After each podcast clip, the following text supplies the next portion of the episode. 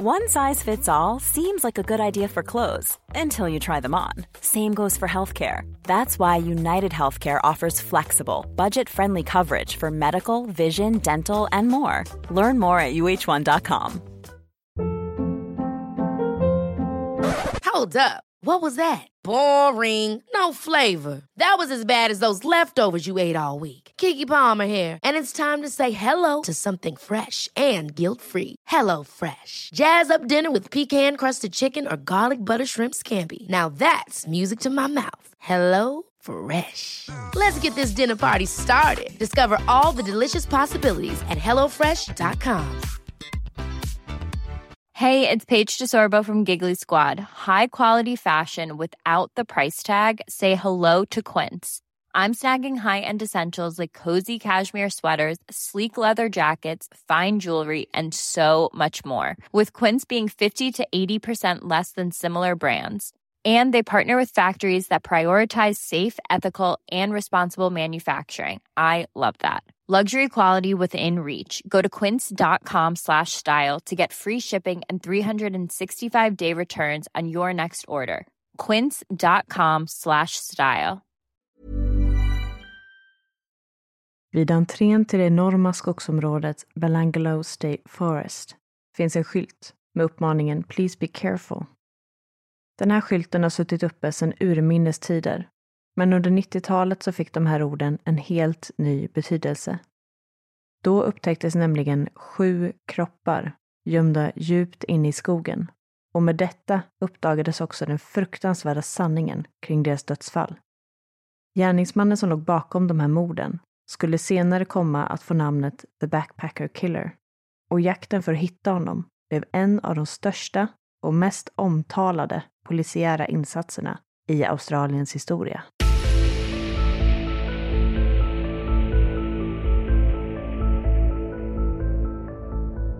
Hej på er allihop och varmt välkomna ska ni vara till ännu ett avsnitt av Rysapodden. Och hoppas att ni mår bra där ute med tanke på att vi alla just nu lever under minst sagt speciella omständigheter. Ja, och vi ska inte börja prata om corona här, utan vi tar och lämnar det till experterna. Men vi vill mest bara säga att vi hoppas att ni alla tar hand om er själva och varandra där ute så gott det bara går. Och med det sagt så tänkte vi också ta upp en helt annan sak innan vi går in på ämnet för det här avsnittet. Yes. För det är nämligen så att vi efter det här avsnittet kommer ha ett längre uppehåll till senare i vår. Och som ni alla vet så har ju vi redan haft ganska så långa uppehåll mellan våra avsnitt tidigare. Men vi kommer nu helt enkelt att skifta om vårt arbete lite så att vi ska kunna ha möjligheten att släppa avsnitt oftare och mer exakt ett nytt avsnitt varje vecka. Ja, men precis. Så vi kommer att lägga in det här längre uppehållet i planen nu för att kunna jobba intensivt och fokusera på att få ihop en helt ny säsong. Och sen när vi är tillbaka så kommer vi därför kunna släppa ett avsnitt per vecka under en längre period. Och allt kring datum, vilken veckodag som vi kommer släppa avsnitt och mer detaljer och information kommer vi att hålla er uppdaterade om via våra sociala medier så fort vi vet mer. Och vi ser verkligen fram emot att kunna släppa avsnitt mer kontinuerligt. Så därför är det här helt enkelt bara någonting som vi måste göra för att kunna komma dit. Så vi hoppas att ni förstår vårt resonemang här och att ni fortfarande finns kvar lite senare i vår när vi är tillbaks igen. Under tiden vi har uppehåll så är det bara att bombardera oss med förslag på vad ni vill att vi ska ta upp i den nya säsongen sen. För alla era tips och rekommendationer är verkligen guld värt för oss. Det är ju trots allt ni som lyssnar på podden, så givetvis är det också just era önskemål vi vill höra. Ja, men precis. Och det leder oss ju dessutom in på ämnet för just det här avsnittet. För det här fallet fick vi nämligen in som tips av en av våra lyssnare. Och vi har för oss att det faktiskt också kan ha varit flera av er som har önskat det för länge sedan. Men nu dök det upp igen här nyligen, så då fick vi faktiskt ta och slå till helt enkelt. Så stort tack säger vi därför till Jennifer Ranelid. För hon önskade nämligen att vi skulle göra ett avsnitt om Ivan Milat, också kallad The Backpacker Killer. Och man kan minst sagt säga att han är en av Australiens mest ökända seriemördare som under 90-talet satte skräck i en hel nation. Han plockade nämligen upp unga backpackers som lyftade i närheten av Sydney för att sedan kidnappa, tortera och mörda dem. Slutligen så gömde han sedan kropparna djupt inne i skogsområdet vid Belangelo State Forest. Och det finns väldigt mycket att fördjupa sig i kring Ivan Milat och de här så kallade backpackermorden. Så vi tar och sätter igång direkt här.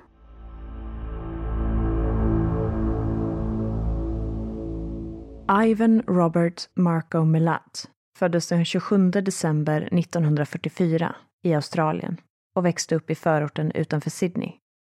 Ivans pappa var Stepan Marco Melat, som också kallades för Steven. Han hade emigrerat till Australien från Kroatien, eller Jugoslavien som det var på den här tiden.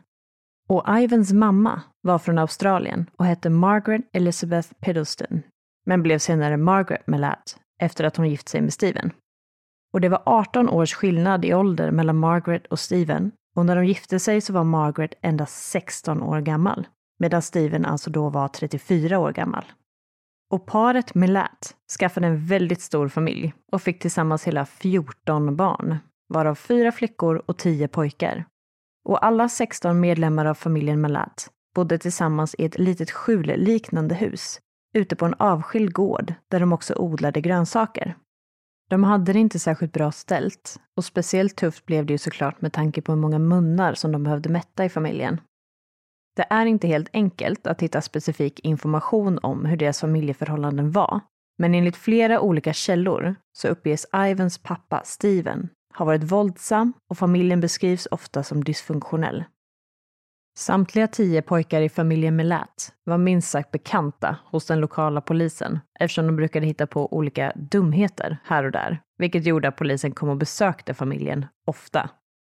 Alla barnen i familjen Melat gick i katolska privatskolor, men efter skoldagarna var slut och på helgerna så brukade de sysselsätta sig med att bland annat skjuta olika föremål och måltavlor ute på gården hemma.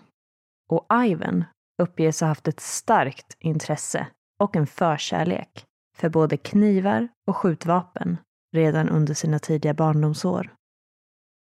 När Ivan var 13 år gammal så hade han blivit ännu mer bekant med polis och myndigheter och var redan i den här tidiga åldern inne på en tydlig brottslig bana som bara skulle komma att eskalera med åren. Enligt hans äldre bror, Boris, så ska Ivan ha uppvisat psykopatiska och antisociala tendenser i väldigt unga år. Och Boris Melat talade dessutom ut om sin bror i det australiensiska tv-programmet Sunday Night 2015. Och Boris sa att han fick höra saker genom Ivans kompisar och att de brukade skryta om hur de brukade smyga ut på nätterna med machetes. Bland annat ska han ha hört att Ivan vid ett tillfälle under sin uppväxt högg en hund i två delar med en machete. Boris sa då också att han kände på sig att Ivan till slut skulle döda någon och att det var inbyggt i honom på något vis. Och att det mest var en fråga om när det skulle ske. Men som sagt så skulle ju Ivans brott komma att eskalera mer och mer under hans tonårsperiod. 1962, när han var 17 år gammal, så skickades han bland annat iväg till en ungdomsanstalt på grund av stöld. Och samma år så ska Ivan dessutom ha erkänt för Boris att han råkat skjuta en taxichaufför vid namn Neville Knight i samband med ett misslyckat rån. Det här skottet träffade då Neville i ryggen, vilket gjorde honom förlamad från midjan och ner. Efter det här så rymde Ivan från brottsplatsen och åkte aldrig fast för det här brottet. Och även den här informationen kom fram i samband med Boris medverkan i tv-programmet Sunday Night. Och som sagt så åkte aldrig Ivan fast för det här, men däremot så gjorde en annan, helt oskyldig man det. Nämligen Alan Dillon, som fick spendera fem år i fängelse för ett brott som Ivan egentligen var skyldig till. Och Alan var helt oskyldig, men han ska erkänt ändå eftersom han kände sig hotad och trodde att polisen annars skulle fängsla hans bror och han ville därför skydda honom. I det här programmet så möttes också Boris Milat och den felaktigt dömda Alan Dillon och Boris ska då ha sagt att han också ljög för att skydda sin bror, men att han inte kunde bära på den här hemligheten längre och att sanningen behövde komma fram. Alan ska då ha sagt att Boris inte skulle klandra sig själv och de skakade senare hand med varandra. Och som sagt så blev taxichauffören Neville Knight tragiskt nog förlamad av skadorna som orsakats av Ivan. Och just det här faktumet gör att utredare och experter är övertygade om att det faktiskt stämmer att Ivan låg bakom det här brottet år 1962 och att det dessutom kanske inte heller alls var en olycka. För att just det här med att göra människor förlamade är nämligen återkommande längre fram i händelseförloppet av det här fallet och hos de allra flesta av Ivans framtida offer. Men även om man är ganska säker på att Boris Melats uttalande stämmer och att det faktiskt var Ivan som låg bakom den här fruktansvärda taxiincidenten så är det, vad vi kan hitta, inte officiellt bevisat. Men det här inträffade alltså när Ivan bara var 17 år gammal. Men det satte oavsett vad inte stopp för hans brottsliga beteende. Ett par år senare, vid 19 års ålder, så åkte han fast efter att ha gjort inbrott på en lokal butik och han dömdes då till 18 månaders fängelse. Men bara någon månad efter att han släpptes fri så greps han igen och den här gången för att ha kört en stulen bil. Han dömdes då till två års straffarbete, vilket var en vanligare form av straff på den tiden. Och år 1967, när Ivan var 23 år gammal, så dömdes han till tre års fängelse för stöld. Sen kommer vi fram till början av 1971 och nu var Ivan 26 år gammal. Och just det här året så var flera av syskonen Milat inblandade i en extremt tragisk bilolycka. Och Ivans 16-åriga lillasyster avled till slut av sina skador efter att ha legat i koma under en period. Ivan själv var inte med i bilen, men han var på plats kort efter att det hände och ska tillsammans med sin mamma ha vakat vid sin systers sida fram tills hon dog. Givetvis påverkade det här Ivan väldigt starkt och han uppges ha tappat sin tro till Gud och all form av hopp efter att det här hände. Och som vi redan vet så hade ju Ivan redan gjort sig skyldig till både det ena och det andra brottet redan innan den här bilolyckan. Men det finns de som tror att det här triggade hans beteende och brottslighet ännu mer. För det skulle nämligen inte gå mer än bara någon månad efter hans systers död tills dess att Ivan greps för ett nytt brott. Och den här gången var det också för något betydligt grövre än inbrott, rån eller stulna bilar. Det var nämligen så att Ivan var ute och körde och plockade då upp två 18-åriga tjejer som var ute och liftade. Därefter så knivhotade han dem och ska dessutom ha våldtagit en av tjejerna. Efter ett tag fick de Ivan att stanna till vid en bensinstation och sa att anledningen var att de ville köpa någonting att dricka. Då lyckades de mirakulöst nog att fly undan och Ivan lämnade sen platsen. De här två tjejerna anmälde sen händelserna till polisen och Ivan greps senare för både kidnappning och våldtäkt. Under tiden som han inväntade själva rättegången så ska han ha fortsatt utföra bland annat inbrott och rån tillsammans med några av sina bröder. Och slutligen bestämde han sig för att fejka sin egen död och få det att se ut som att han hade tagit sitt eget liv. Han ska då bland annat ha lämnat sina skor vid en väldigt vacker men också ökänd plats i Sydney som kallas för The Gap. Det är otroligt höga klippor precis vid havet och tragiskt nog så väljer väldigt många att ta sitt liv där trots enorma insatser för att det här ska undvikas. Men Ivan tog ju inte sitt eget liv, utan han flydde istället till Nya Zeeland och lyckades på något vis att få arbete där och hålla sig undan i drygt två år. Och det känns ju ganska chockerande att han faktiskt lyckades med allt det här. Men det här var ju också på 70-talet, så det var ju inte riktigt lika enkelt att hålla koll på människor som det är idag. Men till slut hittades Ivan och han greps återigen år 1974 och det var i samband med att han återvänder till Australien efter att hans mamma drabbats av en hjärtinfarkt. Men tyvärr var det inte till någon större nytta eftersom han då lyckades komma undan de här anklagelserna för kidnappning och våldtäkten. Åklagarsidan och deras bevisföring ska enligt uppgift inte ha varit den starkaste.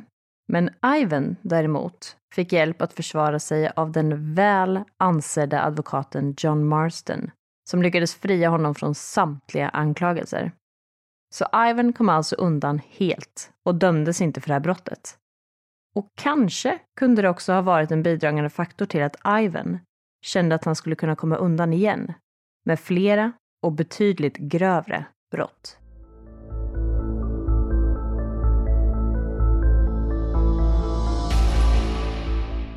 Men Ivan var som sagt nu en fri man och han jobbade under väldigt många år för det som tidigare hette RTA, som står för Roads and Traffic Authority. Och det här verkar vara ungefär som Australiens version av Trafikverket eller Transportstyrelsen som vi har här i Sverige. Och han hade haft olika typer av tjänster hos dem, lite från och till. bland annat som lastbilschaufför och vägarbetare. Och det här företaget var väldigt duktiga på att dokumentera alla sina anställdas timmar, lediga dagar och sjukdagar. Vilket är någonting som senare kom att bli värdefull information i det här fallet. Men Ivan beskrevs i alla fall som en lojal anställd som skötte sig bra på jobbet. Men utanför arbetslivet så fortsatte Ivan på sin kriminella bana. År 1977 plockade han återigen upp två unga kvinnor som var ute och liftade och var på väg till huvudstaden Canberra. Även den här gången ska det ha varit i syfte att våldta och skada de här kvinnorna. Men lyckligtvis kom de undan Ivan och undvek därmed med största sannolikhet att bli hans första mordoffer. Kvinnorna valde att inte anmäla händelsen och skulle sen komma och informera polisen om den här incidenten och mötet med Ivan flera år senare. Så återigen slapp han undan och kunde fortsätta att leva sitt liv som en fri man. Ett tag senare, mer exakt år 1984, så gifte sig Ivan med en 15 år yngre kvinna vid namn Karen Duck. Han var då alltså 40 och hon 25. Och hon hade ett barn från ett tidigare förhållande. Och tydligen ska Ivan ha varit väldigt bra med barnet, vilket kan ha gjort det svårare för Karen att lämna förhållandet som man önskar att hon kunde ha gjort. För Ivan var nämligen extremt våldsam och ska enligt uppgift både ha slagit och våldtagit henne vid flera tillfällen under deras förhållande. Men slutligen tog Karen sin son och lämnade Ivan ett par år senare, 1987. Och deras skilsmässa gick sedan igenom år 1989. Och efter att det tog slut mellan dem ska Ivan ha hämnats på Karen genom att bränna ner hennes föräldrars hus. Och när vi ändå är inne på Ivans så kallade kärleksliv så ska det nämligen också ha varit så att Ivan under 11 års tid hade en hemlig affär med en kvinna som hette Marilyn. Och hon var gift och inte heller med vem som helst, utan med Ivans äldre bror, Boris, som jag nämnde tidigare. Och den här affären resulterade i ett barn, en dotter som fick namnet Lenise. Och när hon föddes så antog ju Boris såklart att det var hans barn, men fick senare reda på att det här var faktiskt Marilyn och Ivans barn. Och det här ska ju såklart ha gjort Boris väldigt arg på sin bror, men han uppfostrade trots detta Lenise som om hon var hans egen dotter. Lenise själv ska däremot inte ha fått veta att hon egentligen var Ivans dotter förrän långt senare. Men nu känns det i alla fall som att vi har fått en relativt bra bild av Ivan och hans bakgrund. Så därför tänker jag att vi istället nu ska fokusera lite mer på den här tidsperioden som vi har kommit fram till det vill säga slutskedet av 80-talet och begynnelsen av 90-talet. Och Australien som land var vid den här tidpunkten, precis som idag, ett oerhört populärt turistmål. Det omtalade backpackerlivet var en stark trend redan då och väldigt många unga hade en dröm om att få uppleva ett exotiskt och spännande äventyr långt hemifrån. Fyllt av solsken, stränder, surfkultur och oslagbart vacker natur. De flesta backpackers som reste till Australien var runt 20-25 år gamla och valde att ge sig ut på det här äventyret mellan studier och arbete. Eller helt enkelt medan de funderade ut vad deras nästa steg i livet skulle vara.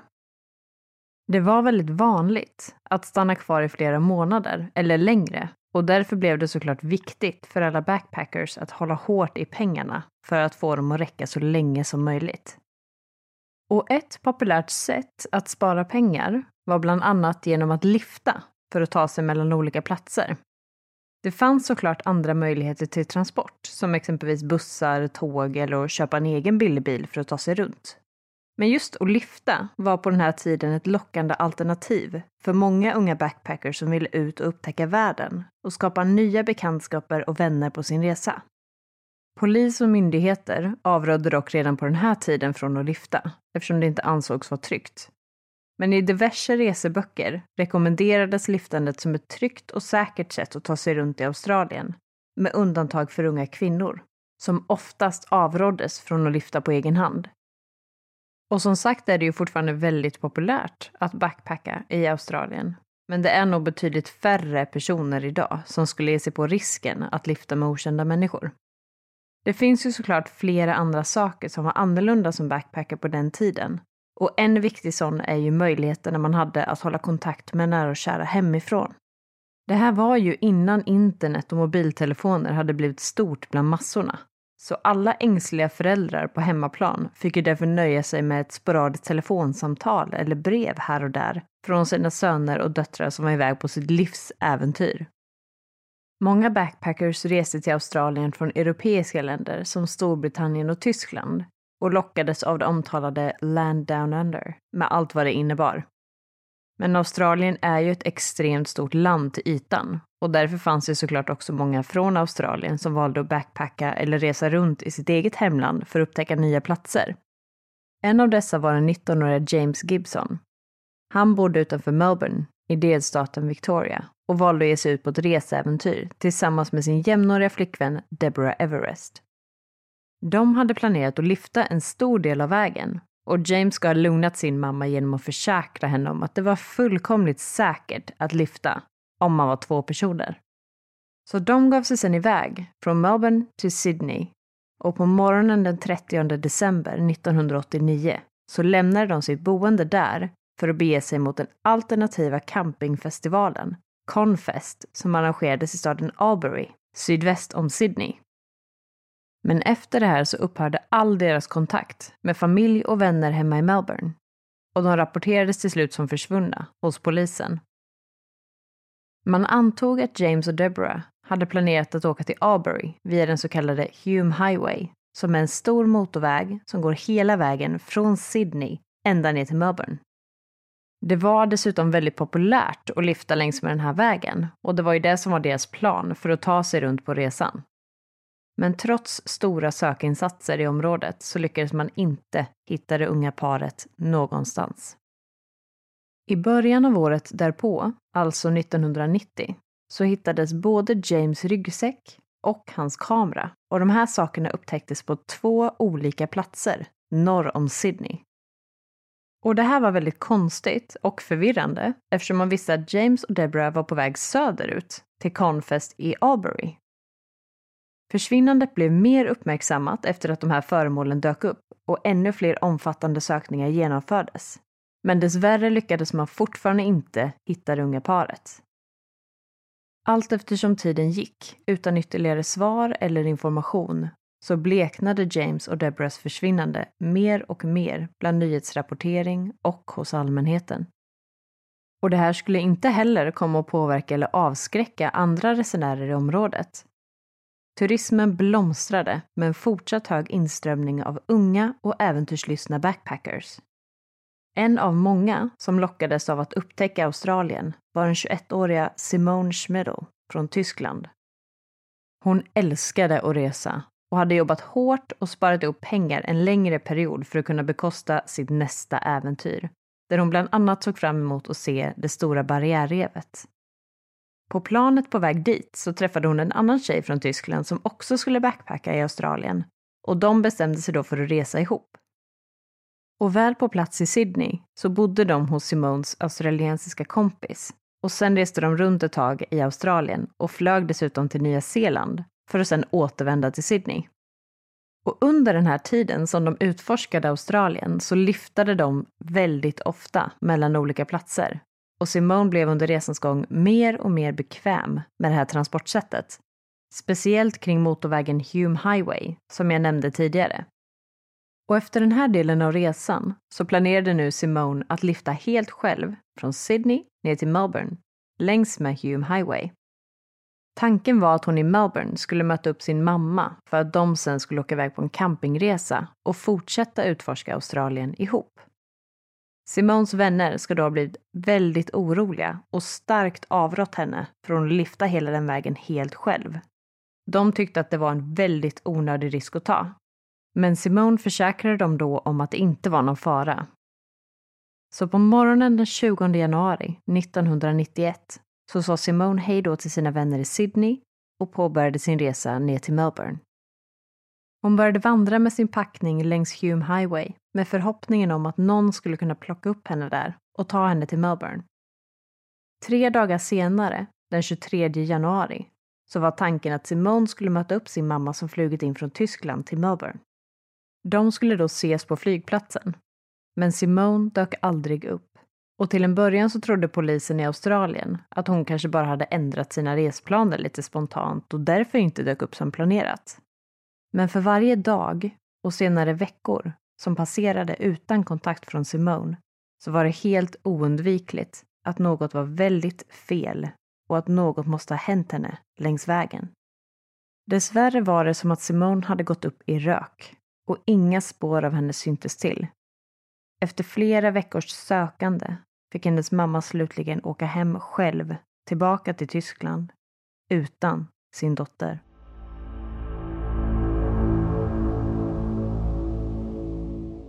Några andra tyskar som drömde om backpackerlivet var 21-åriga Gabor Nugebauer och hans flickvän 20-åriga Anja Habshid. De hade tidigare rest runt i Europa tillsammans och hade nu bestämt att deras nästa äventyr skulle bli en långresa till Asien. De gav sig av i slutet av 1991, men när de väl kom fram till det land som de hade längtat mest till, Indonesien, så blev det plötsligt riktigt dåligt väder. Det här gjorde att de fick lägga om sina resplaner och valde då istället att bege sig till Australien. De reste runt och besökte några olika städer, men hamnade till slut i Sydney och checkade in på ett billigt hostel i närheten av Kings Cross. Och just det här området är känt som Sydneys Red Light District med mycket nattklubbar, droger och prostitution. Men det här gjorde ju också att backpackers ofta kunde hitta billiga boenden där. Och det här var precis runt julen 91. Så på julaftonsmorgon så ringde Gabor hem och pratade med sin familj han uttryckte då att både han och Anja tyckte mer om att resa i Asien, att de inte trivdes och att de nu ville lämna Australien så fort som möjligt. Den 26 december 1991 så checkade paret ut från sitt hostel i Kings Cross och ska då ha sagt till personalen att de planerade att åka norrut, upp till Darwin, för att sedan flyga tillbaka till Indonesien och vara där till mitten av januari. Därefter skulle de flyga hem till Tyskland igen när de inte hade kommit hem till Tyskland enligt planeringen och datumet som de hade kommunicerat så började deras familjer fundera på om de kanske hade missat sitt flyg eller bestämt sig för att förlänga resan. Men när man bland annat insåg att ingen av dem hade rört sina resecheckar sedan de checkade ut från boendet i Sydney så började andra, betydligt mer oroväckande tankar att dyka upp. Dagar, veckor och månader passerade utan någon kontakt eller några spår från Gabor och Anja. Sökinsatserna resulterade inte i något konkret alls och de verkade helt enkelt vara spårlöst försvunna. Efter några månader, i april 1992, så bestämde sig Anjas familj för att åka från Tyskland till Australien för att själva fortsätta sökandet. De ska ha varit övertygade om att Gabor och Anja varit med om någon form av olycka och de kämpade hårt för att skapa uppmärksamhet om försvinnandet hos lokal media. Detta ledde till att en stor mängd tips kom in från allmänheten där folk tyckte sig ha sett det unga paret vid olika tillfällen. Men trots att polisen utredde samtliga av de här tipsen så ledde det dessvärre ingenstans. Och det som var särskilt utmanande i sökandet var att ingen visste exakt vilken väg som Gabor och Anja hade bestämt sig för att ta efter att de lämnat Sydney. Man visste ju att de skulle flyga till Indonesien från Darwin och personalen på boendet i Kings Cross ska ha vittnat om att paret sagt att de skulle åka norrut via Queensland och slutligen upp till Darwin. De var dessutom extra säkra på sin sak eftersom att Gabor och Anja ska ha frågat om tips på bra hostel i samband med att de checkade ut. Men Gabor ska också ha sagt till sin familj att de först skulle resa söderut och besöka staden Mildura som ligger i delstaten Victoria. Och om så var fallet skulle de alltså med största sannolikhet ha färdats via Hume Highway. Anjas familj fortsatte söka igenom städer runt om i Australien, men det var som att leta efter en nål i en höstack. Allt mer tid passerade, men Gabor och Anja var fortsatt försvunna. Och man kan ju tycka att andra backpackers nu borde ha blivit lite oroliga för att bege sig till Australien och att polisen kanske bör ha kunnat koppla samman de här försvinnandena. Men utöver faktumet att alla fem hittills försvunna personer var unga backpackers så fanns inget som pekade på att de hade någonting med varandra att göra. Och det var dessutom tusentals andra personer som försvann varje år i Australien. Så backpackerlivet rullade på som vanligt och unga från hela världen fortsatte att komma till Australien för att få uppleva det oförglömliga äventyr som utlovades i alla reseböcker. En av dessa var 22-åriga Joanne Walters som var från Wales. Hon hade alltid drömt om att besöka exotiska länder som Australien och Nya Zeeland. Hon bestämde sig till slut för att äntligen åka dit och reste då tillsammans med en kompis från Skottland. De kom fram i juni 1991 och Joanne fick då jobb som nanny hos en familj i Sydney medan hennes kompis gav sig iväg på annat håll och de sa att de skulle mötas upp igen senare. Joanne trivdes hur bra som helst med att jobba för den här familjen och träffade under sin tid i Sydney en annan backpacker, nämligen den 21-åriga Caroline Clark från England. Och Caroline hade en dröm om att bli polis, men hade fått rekommendationen att hon kanske skulle skaffa sig lite mer livserfarenhet innan. Och det var därför hon bestämde sig för att ge sig ut på en lång backpackerresa för att se världen och träffa nya människor. Men Joanne och Caroline blev snabbt väldigt goda vänner och bestämde sig för att resa vidare tillsammans. De gjorde upp planer för att jobba och resa samtidigt med målet att kunna se så mycket av landet som möjligt. Så Joanne lämnade familjen i Sydney, även om hon verkligen hade tyckt om att jobba som nanny hos dem.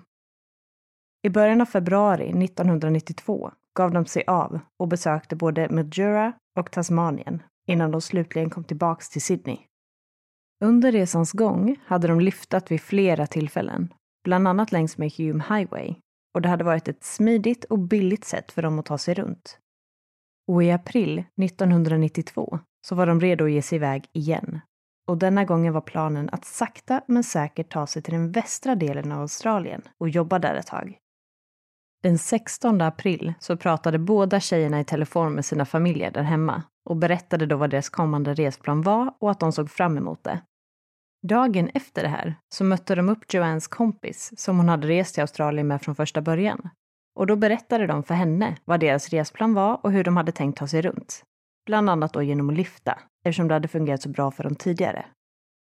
De hade dessutom berättat om sina planer för en annan kompis som de rest tillsammans med i Tasmanien. Så det var alltså en del personer som hade koll på hur och vart tjejerna skulle bege sig och tanken var att de skulle ta tåget från Kings Cross i Sydney till en station i närheten av Hume Highway och där försöka hitta någon att lyfta med. Så morgonen den 18 april 1992 sa Joanne och Caroline hejdå till en av sina backpackerkompisar vid stationen Kings Cross och gav sig sedan iväg. Två veckor senare började Joannes familj hemma i Wales bli väldigt oroliga eftersom de inte hade hört ett enda ord från sin dotter och det kändes inte normalt. Hon var ansvarsfull och duktig på att hålla regelbunden kontakt med sina föräldrar så de skulle veta vart hon befann sig. Men de hoppades såklart på det bästa och tänkte att det kanske bara var svårt att höra av sig och att det inte fanns något postkontor där de befann sig. Även Carolines familj i England började nu bli oroliga och när Caroline inte ens ringde eller skickade ett kort för att gratta sin pappa på hans födelsedag den 24 maj så visste de att något hade hänt. Joanne och Carolines familjer hade nu också kontakt med varandra och delade en stark oro för sina döttrar. Det visade sig också att Joanne inte hade rört sitt bankkonto sedan 15 april, alltså dagen innan hon hade ringt hem. Nu hade det gått ungefär sex veckor sedan de senast hörde något från sina döttrar, så familjerna anmälde dem försvunna hos den lokala polisen, som då direkt kontaktade polisen i Australien. Carolines pappa hade ett väldigt bra kontaktnät hemma i England och han lyckades därför koppla in en person som jobbat för Scotland Yard, alltså högkvarteret för polisen i London. Han kontaktade alla personer som man vet att Caroline och Joanne hade rest ihop med och pressade den lokala polisen att ta detta på största allvar och att prioritera det här fallet. Tack vare hans inblandning blev det här försvinnandet väldigt omtalat i Storbritannien och australiensiska myndigheter fick därför ännu mer press på sig att prioritera det här fallet. Och det är ju fantastiskt att det blev så och att det togs på större allvar efter det här. Men det är också såklart extremt sorgligt att det krävdes rätt kontakter. Men oavsett vad, efter det här så fick Joanne och Carolines försvinnande väldigt mycket medial uppmärksamhet, även i Australien och polisen påbörjade sökningar över hela landet. Det Det började flöda in enorma mängder av tips och vittnesmål till polisen från personer som tyckte sig ha sett de två tjejerna. Men ingenting var konkret nog för att kunna leda till Joanne eller Caroline. Flera månader passerade och det fanns ingen klarhet i vad som kan ha hänt eller var de kan ha tagit vägen. Försvinnandet fortsatte dock att få väldigt mycket uppmärksamhet i media. Och Joanne och Carolines försvinnande inträffade ungefär fyra månader efter Gabor och Anja försvann. Och det hade ju såklart också nämnts i media, även om det inte hade fått lika mycket uppmärksamhet. Men olika media och journalister började då spekulera kring om de här två fallen kunde vara sammankopplade. Det fanns ju trots allt en hel del likheter i och med att båda sällskapen var unga internationella backpackers som lyftade och senast sågs vid Kings Cross i Sydney. Polisen bekräftade dock inte detta utan sa helt enkelt att de utforskade samtliga möjligheter. Men media fortsatte att skriva om de här försvinnandena och började dessutom leta reda på liknande fall. Bland annat togs då det mystiska försvinnandet av den 21-åriga Simone Schmidl upp. Men däremot nämndes aldrig James Gibson och Deborah Everests försvinnande i den här kontexten eftersom de var från Australien och därför särskilde sig från de andra fallen. I och med all den här mediala uppmärksamheten började mer kritik och ifrågasättande riktas mot olika hostel, backpackingkulturen och framförallt de potentiella riskerna med att lyfta med främlingar. Men det var fortfarande väldigt populärt att backpacka i Australien och många blev inte det minsta avskräckta av det här och tyckte att det hela var överdrivet. Men polisen införde nu nya regler och rutiner för att få bättre koll på internationella inresande till Australien. Och det här var ju såklart ett väldigt bra initiativ som säkert också har underlättat för andra försvunna personer och deras familjer därefter. Men tragiskt nog så var det ju redan för sent för just de här sju personerna som redan hade försvunnit.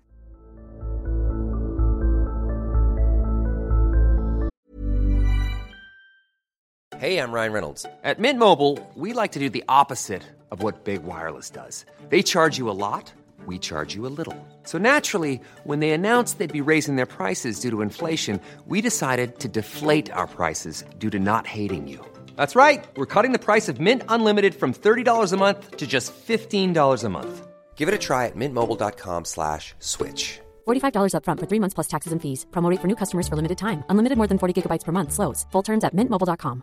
Planning for your next trip? Elevate your travel style with Quince. Quince has all the jet setting essentials you'll want for your next getaway, like European linen, premium luggage options, buttery soft Italian leather bags, and so much more and it's all priced at 50 to 80% less than similar brands. Plus, Quince only works with factories that use safe and ethical manufacturing practices. Pack your bags with high-quality essentials you'll be wearing for vacations to come with Quince. Go to quince.com slash trip for free shipping and 365-day returns. If you thought the only way to get a more defined jawline with natural-looking results was through surgery, think again. Juvederm Volux XC is a non-surgical injectable gel filler that improves moderate to severe loss of jawline definition and can help you achieve natural-looking results with little downtime. Even better, this improved definition lasts up to one year with optimal treatment. No maintenance required. Improve jawline definition for a smooth, sculpted look with Juvederm Volux XC. For important safety information and to find a licensed specialist, visit juvederm.com. That's J U V E D E R M.com. Not for people with severe allergic reactions, allergies to lidocaine, or the proteins used in Juvederm. Common side effects include injection site redness, swelling, pain, tenderness, firmness, lumps, bumps, bruising, discoloration, or itching. There's a risk of unintentional injection into a blood vessel, which can cause vision abnormalities, blindness, stroke, temporary scabs, or scarring. Talk to a licensed specialist to find out if it's right for you.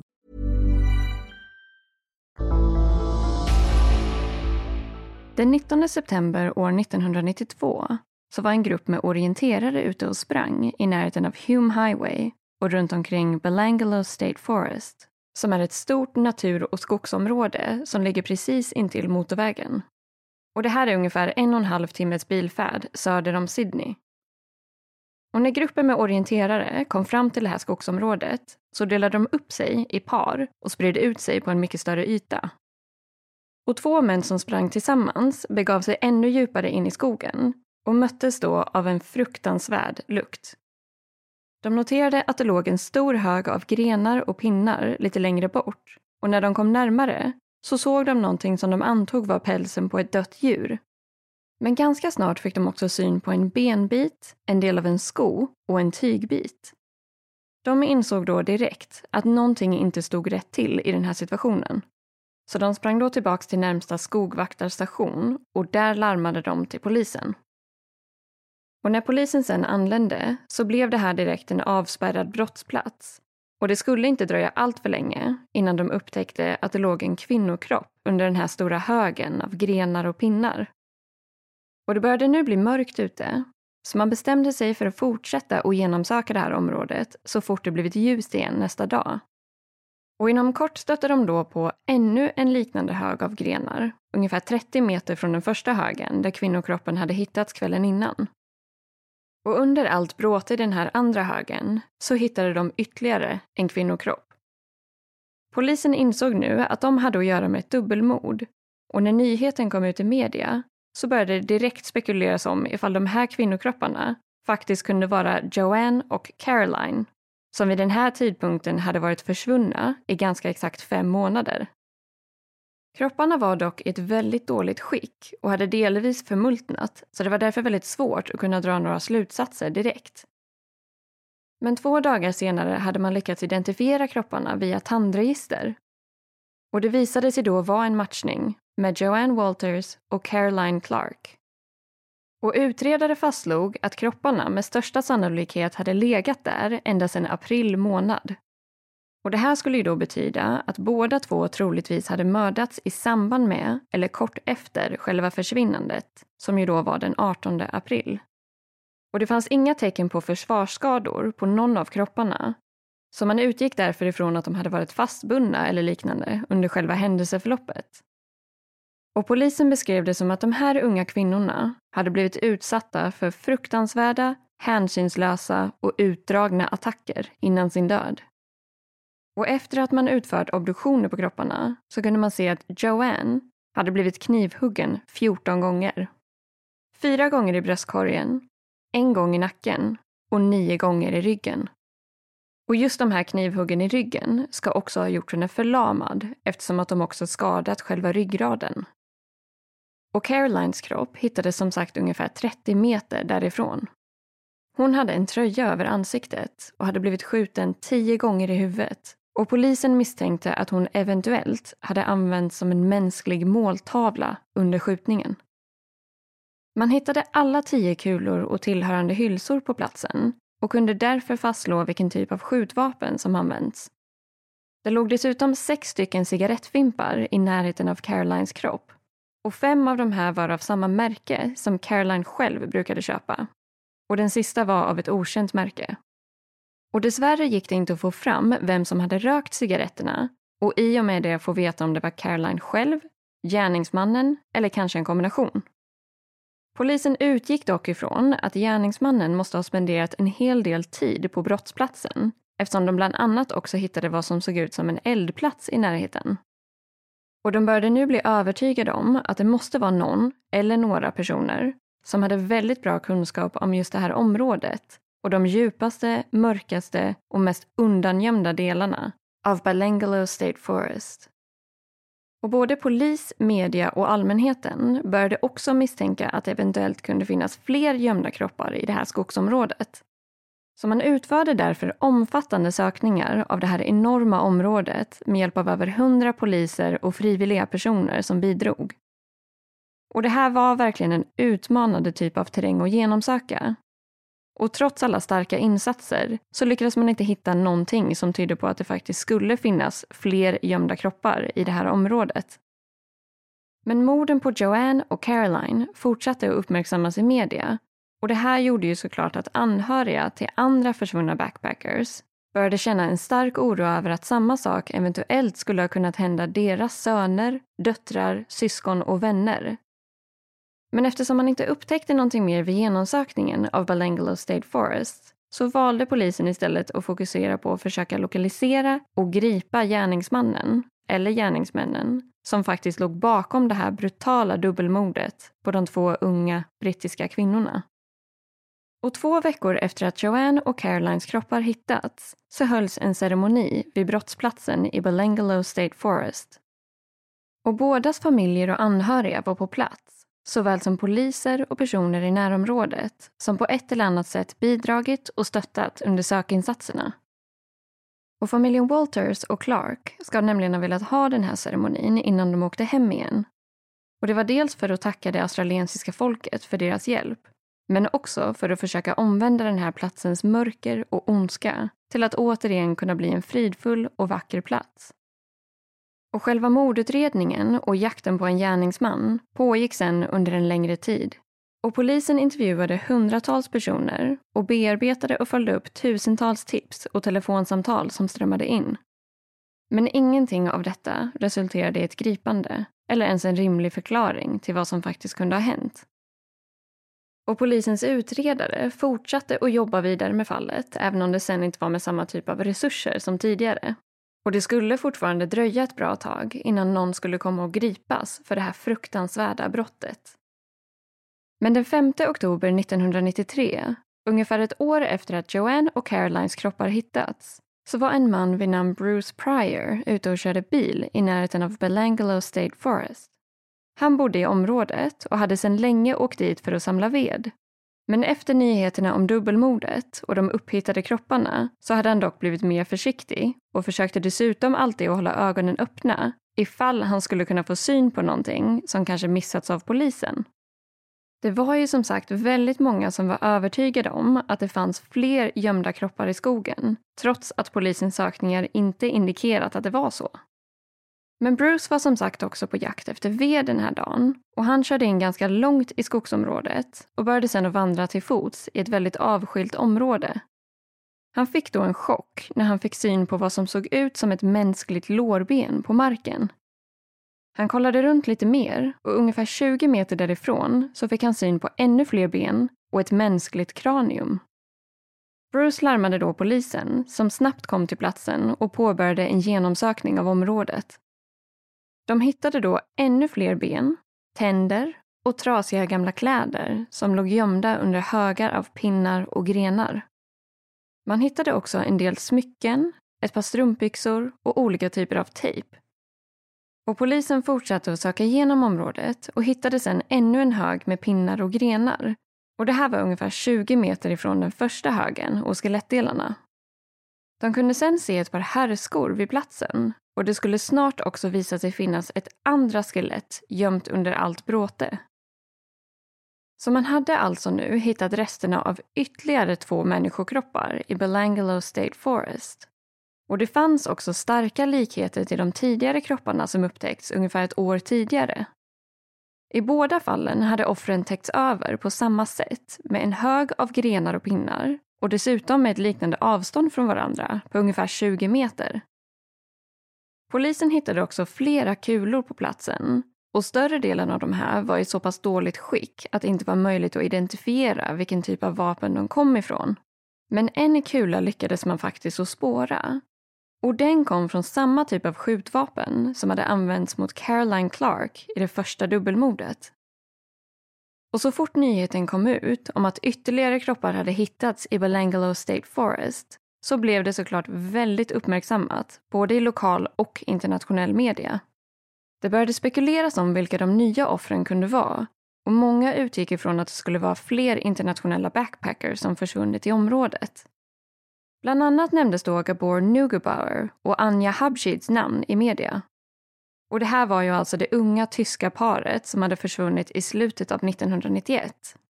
Men resultatet från obduktionen skulle istället visa på någonting helt annat än vad många hade väntat sig.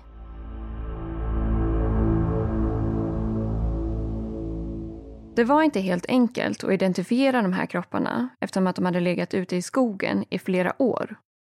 Slutligen lyckades man dock fastställa att de två offren var James Gibson och Deborah Everest och det här var ju det unga australiensiska paret som försvann redan i december 1989 när de var på väg söderut från Sydney till Confest i Albury. Och just deras försvinnande hade inte fått lika mycket uppmärksamhet i media och framförallt inte heller kopplats samman med alla internationella backpackers som försvunnit under de senaste åren. Och någonting annat som bidrog till ännu mer förvirring i det hela var ju faktumet att James ryggsäck och kamera hade dykt upp under våren 1990. Men de hade hittats norr om Sydney. Och det här var ju inte alls i närheten av Belangelo State Forest, där kropparna nu hade hittats. Man började därför misstänka att den eller de som låg bakom morden hade gjort sig av med de här sakerna på en helt annan plats i syfte att förvirra och missleda de utredande poliserna. Efter obduktionen av kropparna insåg man dessvärre att både James och Deborah hade fått utstå en liknande typ av misshandel och tortyr som Caroline och Joanne. James hittades liggande i fosterställning med knivhugg över hela kroppen. Och bland annat hade alla de här huggen resulterat i extrema skador på ryggraden och punktering av lungorna. Deborah hade blivit brutalt misshandlad och man misstänkte att hon hade blivit slagen med någon form av tungt objekt. Hon hade en fraktur i skallbenet och hennes käkben var brutet. Och utöver det så hittade man flera olika märken och sår från knivar på hennes kropp. Och även Deborah hade blivit knivhuggen i ryggen. Så man började ju nu minst sagt att se en hel del likheter i morden och dess utförande. Och i och med nyheterna kring de senaste fynden i Belangelo State Forest så skapade såklart en enorm oro och skräck bland alla som bodde i området och i närliggande orter. Och polisen uppmanade lokalbefolkningen att vidta extra försiktighetsåtgärder och att undvika att vara ute själv, speciellt under kvällstid. Och man gick också ut i hela landet och varnade resenärer, och speciellt då backpackers, för att lyfta med främlingar. Och vid den här tidpunkten blev poliskommissarie Clive Small ansvarig för mordutredningen. Och han hade flera kända fall bakom sig och satte ihop ett team med alla resurser som kunde tänkas behövas för att komma framåt i utredningen. Och polisen bestämde sig nu för att återigen göra en genomsökning av hela området kring Belangelo State Forest. Och man tog in alla tänkbara resurser, den senaste tillgängliga teknologin och polishundar som var specifikt tränade för att hitta kadaver i skog och varierad terräng. Och varje dag så anlände busslaster med poliser och volontärer för att kunna söka igenom det här enorma området.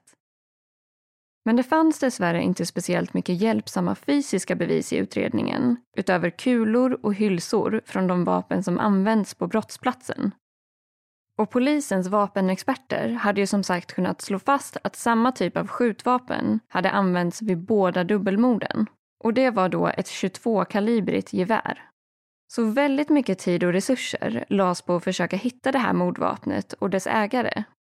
Så polisen uppmanade därför invånarna i området som ägde ett sånt gevär att ge sig till känna för att de skulle kunna elimineras från utredningen. Och alla tips och kontakter följdes sedan upp men dessvärre så var det här utan resultat. Och de enorma sökinsatserna i Belangelo State Forest ledde inte heller till några nya resultat eller ledtrådar i fallet. Men utredningen fortsatte för fullt, samtidigt som det kändes som att allt stod helt still. Och den 1 november 1993 så hade sökningarna i Belangelo State Forest pågått i ungefär en månads tid utan resultat.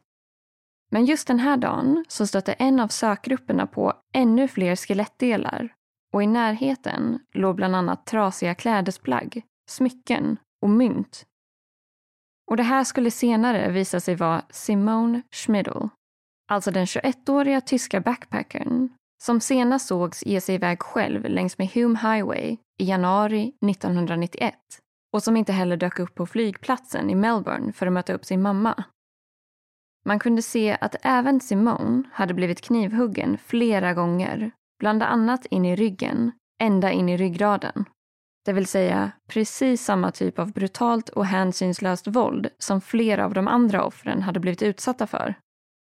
Polisen fortsatte att söka igenom området och bara ett par dagar senare, den 4 november, så gjordes ännu ett fynd ungefär en kilometer från platsen där Simons kropp hade hittats. Och det var då ännu en hög av grenar och pinnar och bredvid så låg en sko. Och under allt bråte så gömde sig ännu ett mänskligt skelett. Men det skulle inte heller ta slut där, för ungefär 50 meter längre bort så hittades sen ytterligare ett skelett som legat gömt under några trästammar. Och bredvid kropparna så hittades också trasiga och sönderskurna kläder, skor, smycken, en flygbiljett och diverse rester av tejp och rep. De två kropparna skickades direkt för analys och obduktion och via ett handregister kunde man bekräfta att det var Gabor Nugebauer och Anja Habshid, alltså det unga tyska backpackerparet som försvann från Kings Cross i Sydney i slutet av december 1991 och som hade planer på att lämna Australien och ta flyget till Indonesien.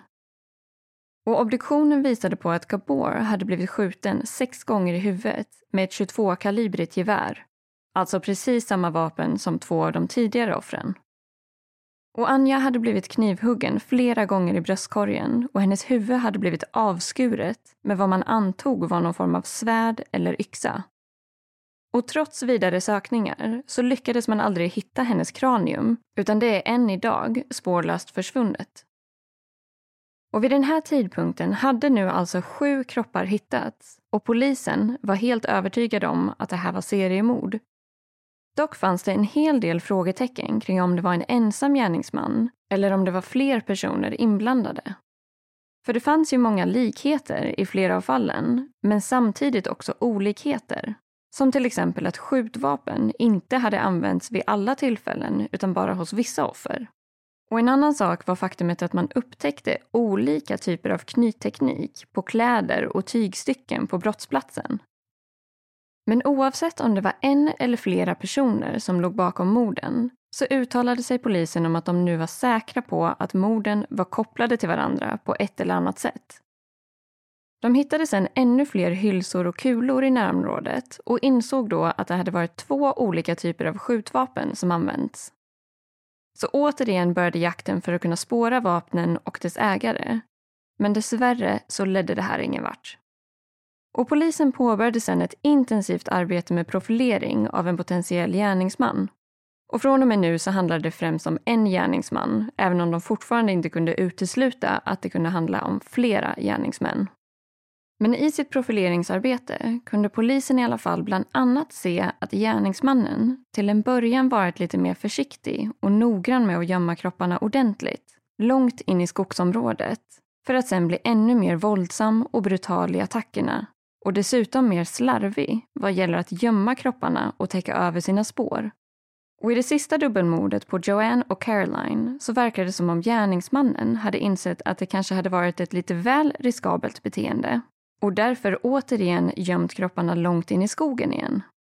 Men en sak som var säker kring gärningsmannen var att den här personen verkligen njöt av att tortera sina offer. Flera av dem hade ju blivit knivhuggna i ryggraden, vilket ofta leder till förlamning. Och polisen hade därför en misstanke om att gärningsmannen först gjorde sina offer förlamade, men fortfarande höll dem vid liv för att sen kunna utföra resten av den brutala misshandeln medan offren inte hade någon som helst möjlighet till att fly eller göra motstånd. Och det fanns dessutom detaljer som indikerade att några av offren också kan ha blivit utsatta för sexuellt våld. Och på flera av brottsplatserna så hade man ju också hittat resterna av en uppgjord brasa eller eldstad. Så det fanns därför teorier om att gärningsmannen antingen hade lurat ut sina offer i skogen med löften om någon form av campingupplevelse eller att gärningsmannen gjort upp elden efter att morden ägt rum och då stannat kvar ett bra tag efteråt. Polisen misstänkte också att gärningsmannen medvetet hade valt att behålla vissa av offrens tillhörigheter. Som till exempel deras ryggsäckar och campingutrustning. Eftersom man inte hade hittat speciellt mycket saker i närheten av kropparna. Men vid den här tidpunkten hade ju utredningen nu fått flera olika fokusområden. Dels att fortsätta söka igenom området för ytterligare offer och kroppar. Och dels att utreda andra fall av försvunna backpackers för att se om det fanns likheter mellan deras och offrens försvinnanden. Men framförallt låg det största fokuset nu på att få fast gärningsmannen som låg bakom de sju morden som uppdagats. Och polisen i New South Wales gick ut med en historiskt hög hittelön för tips eller information som kunde leda till gripande av gärningsmannen. Och mer exakt så var den på 500 000 australiensiska dollar. Och hela den här utredningen var en logistisk mardröm med tanke på hur mycket information som fanns för sju försvinnanden och mord. Och det handlade ju bland annat om enorma mängder med tips, vittnesmål, intervjumaterial och kontaktuppgifter. Och man ska ju också komma ihåg att det här var tidigt 90-tal, så deras system var långt ifrån digitaliserade till den grad som skulle behövas för att kunna hantera och bearbeta den här volymen av data och information på ett effektivt sätt. Och poliskommissarie Clive Smalls, som var ansvarig för utredningen, tog därför hjälp av flera olika IT-experter för att kunna utveckla ett helt nytt datasystem. Och till en början gjorde det här att utredningen stannade upp lite eftersom att personalen fick sitta och mata in stora mängder data manuellt. Men det skulle ganska snabbt komma att löna sig och på sikt underlätta enormt och spara in hundratals timmar av jobb eftersom det nu gick att söka information på ett betydligt enklare och snabbare sätt än tidigare. Och polisen satte också upp en hotline, alltså ett telefonnummer dit allmänheten kunde ringa in med eventuella tips och vittnesmål. Och som sagt så var det inte lite information, utan det kunde ibland komma in tusentals samtal bara på en dag. Men varenda inkommande samtal togs emot, registrerades och all information fördes in i den nya databasen. Däremot kunde ju såklart inte allt följas upp på en gång, så samtalen blev därför kategoriserade i olika nivåer beroende på hur relevant och avgörande det tycktes vara i utredningen. Och som man kan förstå så var det ju inte helt lätt att veta vilket samtal som faktiskt skulle leda till gärningsmannen och vilket samtal som bara skulle vara slöseri med tid. Men ett av alla dessa tusentals tips var från en kvinna som ringde in för att tipsa om en man som hon var bekant med. Och hon hade inga konkreta bevis för att han skulle vara den skyldiga. Men hon nämnde att hans familj ägde en gård som låg relativt nära Belangelo State Forest.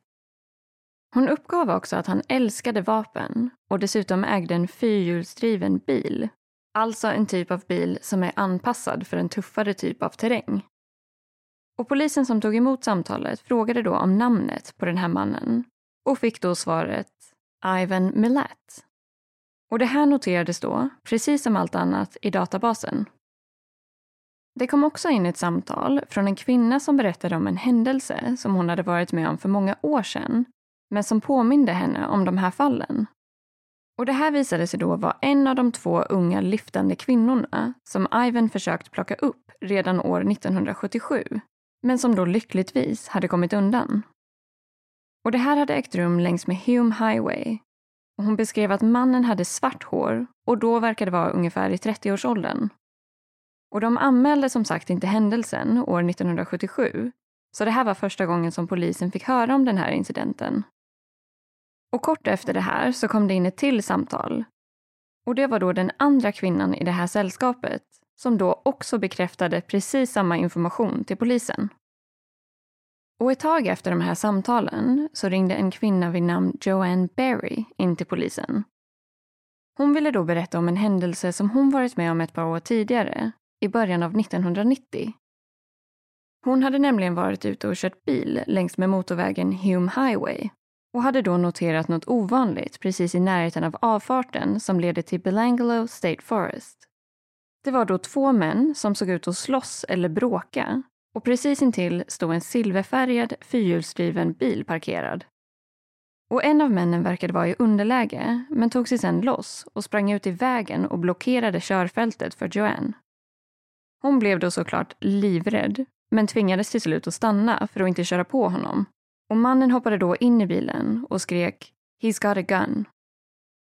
Joanne insåg då direkt allvaret och körde därifrån och den här panikslagna mannen som hade hoppat in i hennes bil visade sig vara en ung engelsk kille vid namn Paul som senare skulle komma att få en otroligt viktig roll i det här fallet.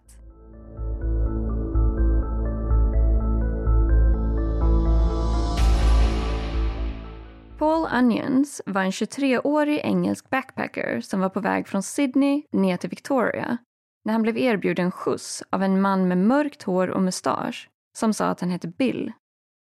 Paul blev då väldigt tacksam och sa ja till skjutsen. Och till en början så hade de haft ett lättsamt och trevligt samtal i bilen. Men ganska så snart så hade Bill börjat bete sig mer och mer konstigt. Och han stannade till slut bilen, precis i närheten av Belangelo State Forest.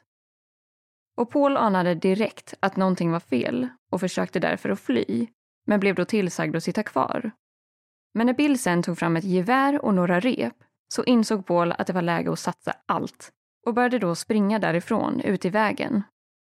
Och Bill sprang efter och fick tag i Paul men han lyckades till slut komma loss och fortsatte sen att springa längs med vägen. Och Bill började sen att skjuta efter Paul som i ren panik sprang allt vad han kunde för att komma undan. Och till slut lyckades Paul hoppa in i en bil och föraren var då Joanne Berry. Och de åkte sedan raka vägen till närmaste polisstation för att rapportera själva händelsen, men också för att registrera alla Pauls tillhörigheter och värdesaker som han behövt lämna kvar i bilen. Men just där och då så hände inte speciellt mycket med den här rapporten, utan den blev mest liggande där på den lokala polisstationen. Och vid den här tidpunkten hade ju det australiensiska paret James och Deborah försvunnit men inga av de andra. Så man kan ju på ett sätt förstå att polisen antog att det här var ett helt orelaterat rån och att de inte såg någon direkt koppling där. Och ett tag senare så återvände Paul Onions hem till England och var då helt ovetandes om det fruktansvärda och brutala livsöde som han hade lyckats undgå. Ett par år efter den här incidenten fick Paul höra nyheterna om backpackermorden som ägt rum i Australien. Han började då inse att den händelsen som han själv varit med om kanske kunde ha någon koppling till de här morden. Så Paul kontaktade då den australiensiska polisens hotline i november 1993 och förklarade vad han varit med om och att han misstänkte att han hade råkat ut för samma gärningsman, också längs med Hume Highway och i närheten av Belangalo State Forest. Dock skulle det faktiskt komma att dröja flera månader innan polisen agerade på det här tipset. Och det här var ju tyvärr effekten av att polisen helt enkelt inte hann med att bearbeta och prioritera all information i den takt som behövdes. Men i april 1994 så fick en av polisen i alla fall återigen syn på det här registrerade samtalet från Paul och insåg då att det faktiskt kunde vara otroligt värdefullt för utredningen. Man kunde ju också jämföra och stärka Pauls vittnesmål med Joanne Barrys eftersom att hon tidigare också hade ringt in till polisens hotline och gett sin utsaga. För även hennes tips hade nämligen fått ligga på is ett tag.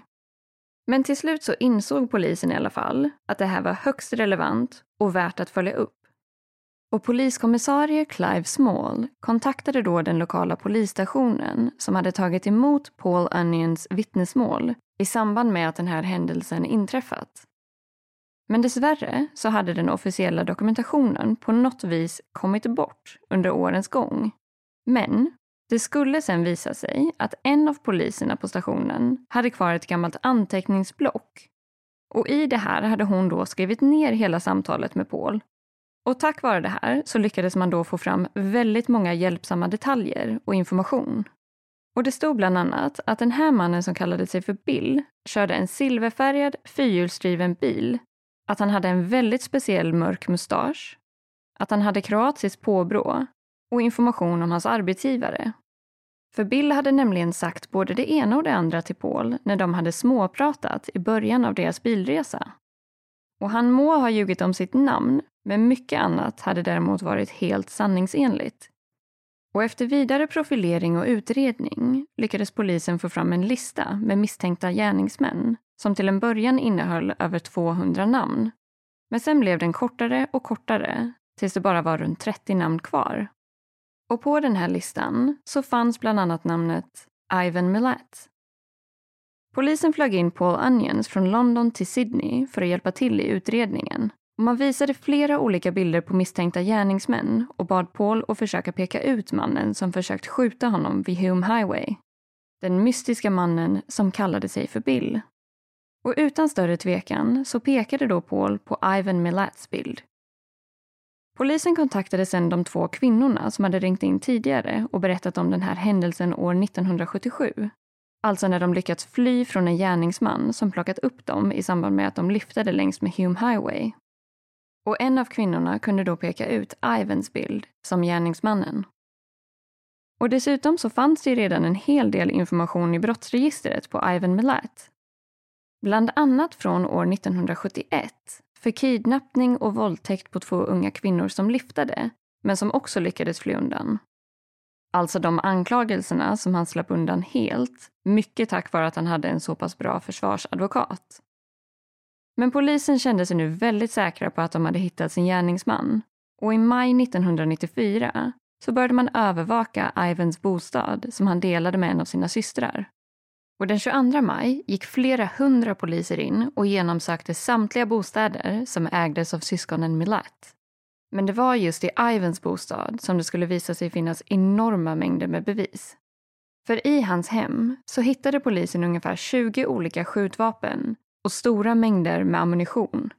Och ett av vapnen var ett 22-kalibrigt gevär som matchade det som använts vid flera av morden. Och utöver det så hittade man indonesiska sedlar som man misstänkte hade tillhört offren Gabor Nugabauer och Anja Habshid som hade varit i Indonesien innan de kom till Australien. I hemmet fanns dessutom olika typer av tejp som matchade de tejprester som hittats vid några av brottsplatserna. Men utöver allt det här så hittade polisen också enorma mängder av material och objekt som kunde spåras till flera av offren.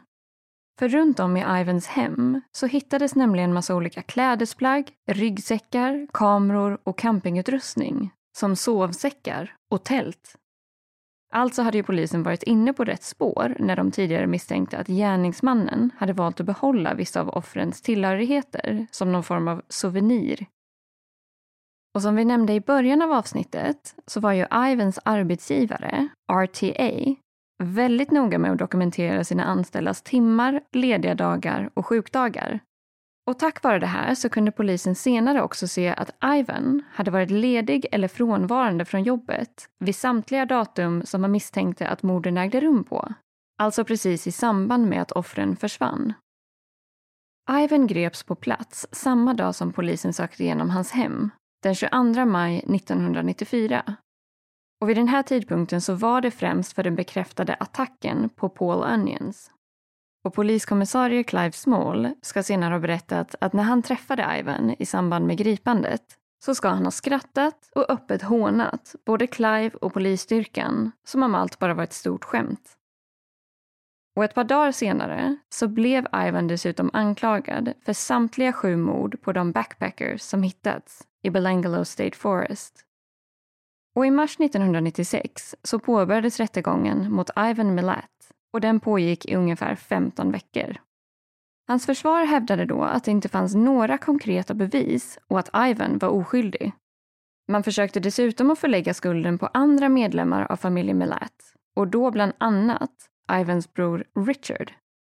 Men det här gick inget vidare för försvarets sida och slutligen, den 27 juli 1996, så annonserade juryn sitt beslut nämligen att Ivan skulle anses skyldig till samtliga anklagelser. Han dömdes därför till sju livstidsstraff utan möjlighet till frigivning. Ett för varje offer som han plågat, mördat och tagit livet ifrån. Och utöver det så dömdes han också för kidnappning, väpnat rån och mordförsök på Paul Onions. Och Ivan fick inte ett speciellt varmt mottagande i fängelset och ska vid sin ankomst ha blivit misshandlad av en annan fånge och våren 1997 så försökte han att rymma tillsammans med en man som satt inne för drogbrott. Det här gick dock inte som planerat och dagen efter så hittades Ivans medbrottsling hängd i sin cell. Och Ivan flyttades då till Goldburn Correctional Centers högsäkerhetsavdelning, också kallad Goldburn Supermax. Och under årens gång har han vid flera tillfällen gjort försök till att överklaga sin dom, men har då nekats. Och sen den dagen Ivan fängslades har han via flera olika manövrar gjort försök till att bevisa att han är oskyldig. Bland annat så har han skickat brev till olika journalister och stora tidningar som The Sydney Morning Herald. Och vid ett tillfälle uppges han ha hungerstrejkat under en längre period eftersom att han ville ha ett Playstation. Men det här gick ju inget vidare och det enda som han faktiskt åstadkom med sin hungerstrejk var att gå ner ungefär 25 kilo i vikt. Och Ivan ska också ha svalt bland annat rakblad i ett försök att få flyttas till sjukhus. Och vid ett annat tillfälle så skar han dessutom av sitt eget finger med en plastkniv i syfte att posta det till bland annat Högsta domstolen i Australien för att försöka övertala dem om att han skulle få överklaga sin dom. Men det här förändrade ju såklart ingenting. Och i maj 2019, alltså för ungefär ett år sedan, så blev Ivan flyttad från fängelset till sjukhuset och diagnostiserad med aggressiv och elakartad matstrupscancer. Han slussades därefter runt bland olika sjukhus för behandling för att sen hamna på sjukhusavdelningen vid fängelset Long Bay Correctional Center i New South Wales. Och tidigt på morgonen den 27 oktober 2019 så avled Ivan Milat till följd av cancern och han var då 74 år gammal. Och fram tills den dagen han dog så har han hela tiden hävdat att han är oskyldig. Men det är ju dock inte så många andra som är av den uppfattningen och Ivans död blev extremt uppmärksammad i media och många uttryckte en känsla av lättnad över att en av Australiens värsta seriemördare nu hade avlidit. Och samtidigt var det också många som trodde och önskade att Ivan faktiskt skulle ta tillfället i akt och erkänna sina fruktansvärda brott på sin dödsbädd. Och den generella misstanken är dessutom att Ivan Milat faktiskt också ligger bakom betydligt fler brott och mord än de som har kunnat bevisas och att det kanske fortfarande ligger fler kroppar begravda i Belangelo State Forest eller någon annanstans. Och därför finns också en överliggande sorg kopplat till att Ivan faktiskt kanske kunde ha gett svar i andra fall av försvunna backpackers. Och framförallt då ha låtit deras familj och anhöriga få veta sanningen en gång för alla. Och innan Ivans död så uttalade sig poliskommissarie Clive Small om just det här faktumet. Och det här citatet är taget från en artikel på Seven News som är skriven av Steve Pennells från Sunday Night.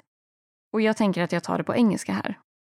Ivan Milat, if you have one shred of decency left in you, now is the time to expose it. I mean admitting to the crimes you've been convicted of and the evidence that is against you supporting that conviction, and to any other crimes that are unsolved that you might have been involved in. Give the families of those victims some peace and some satisfaction, and clear the air with you and your family. Och resterande delar av familjen Milat finns det väldigt mycket olika information och åsikter om.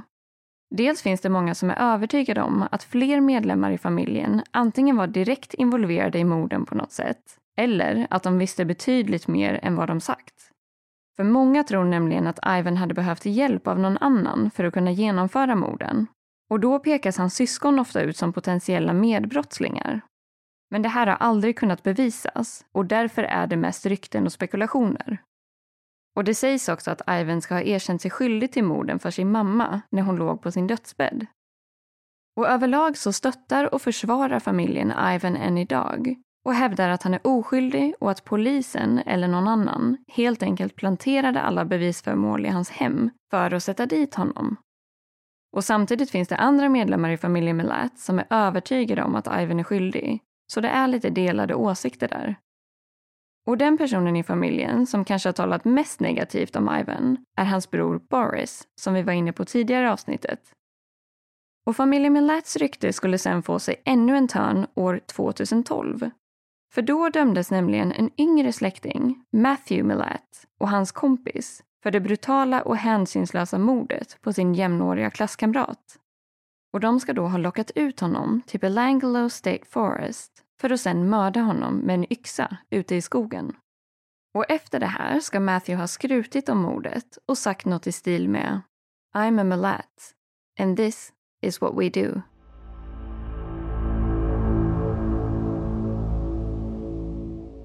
Det här är ju ett helt galet fall tycker jag. Man undrar hur många fler som eventuellt har fallit offer för Ivan. Ja, man undrar ju det. Och eh, det är ju tyvärr någonting som vi säkert aldrig heller kommer att få svar på. Men vi har ju nu i det här avsnittet valt att fokusera ganska mycket på gärningsmannen och själva händelseförloppet.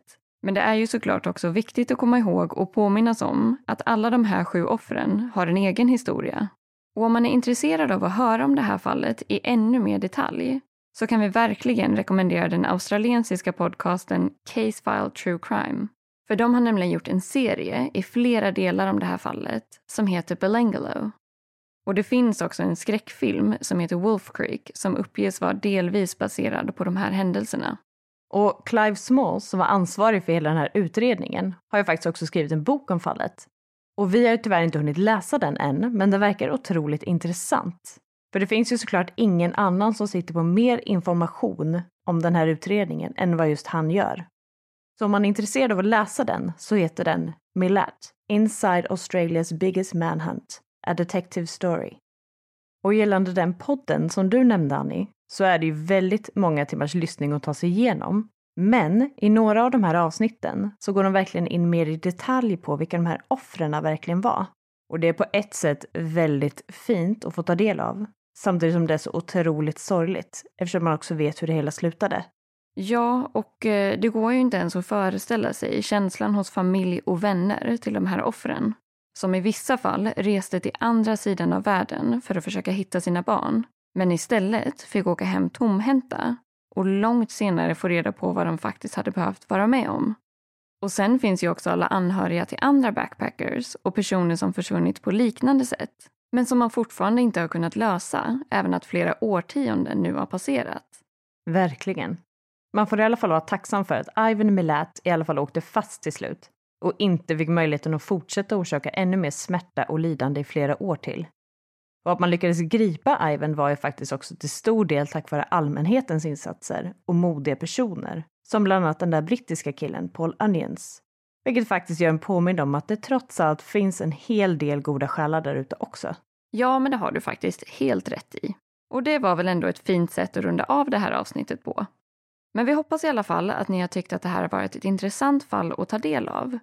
Och sen hoppas vi såklart också att ni nu kommer finnas kvar när vi äntligen är tillbaka senare i vår med massa nya avsnitt. Ja, nu får ni se till att inte glömma bort oss helt här medan vi har uppehåll. För vi säger absolut inte hej då nu, utan vi säger helt enkelt bara att vi ses lite senare. Och självklart kommer vi att se till att uppdatera er så fort vi har ett mer exakt datum för när vi är tillbaka igen med en helt ny säsong. Så om ni inte redan följer oss på sociala medier så hittar ni oss både på Facebook och Instagram under namnet Rysapodden. Och som alltid vill vi säga stort tack för att just du har valt att lyssna på det här avsnittet av Rysapodden.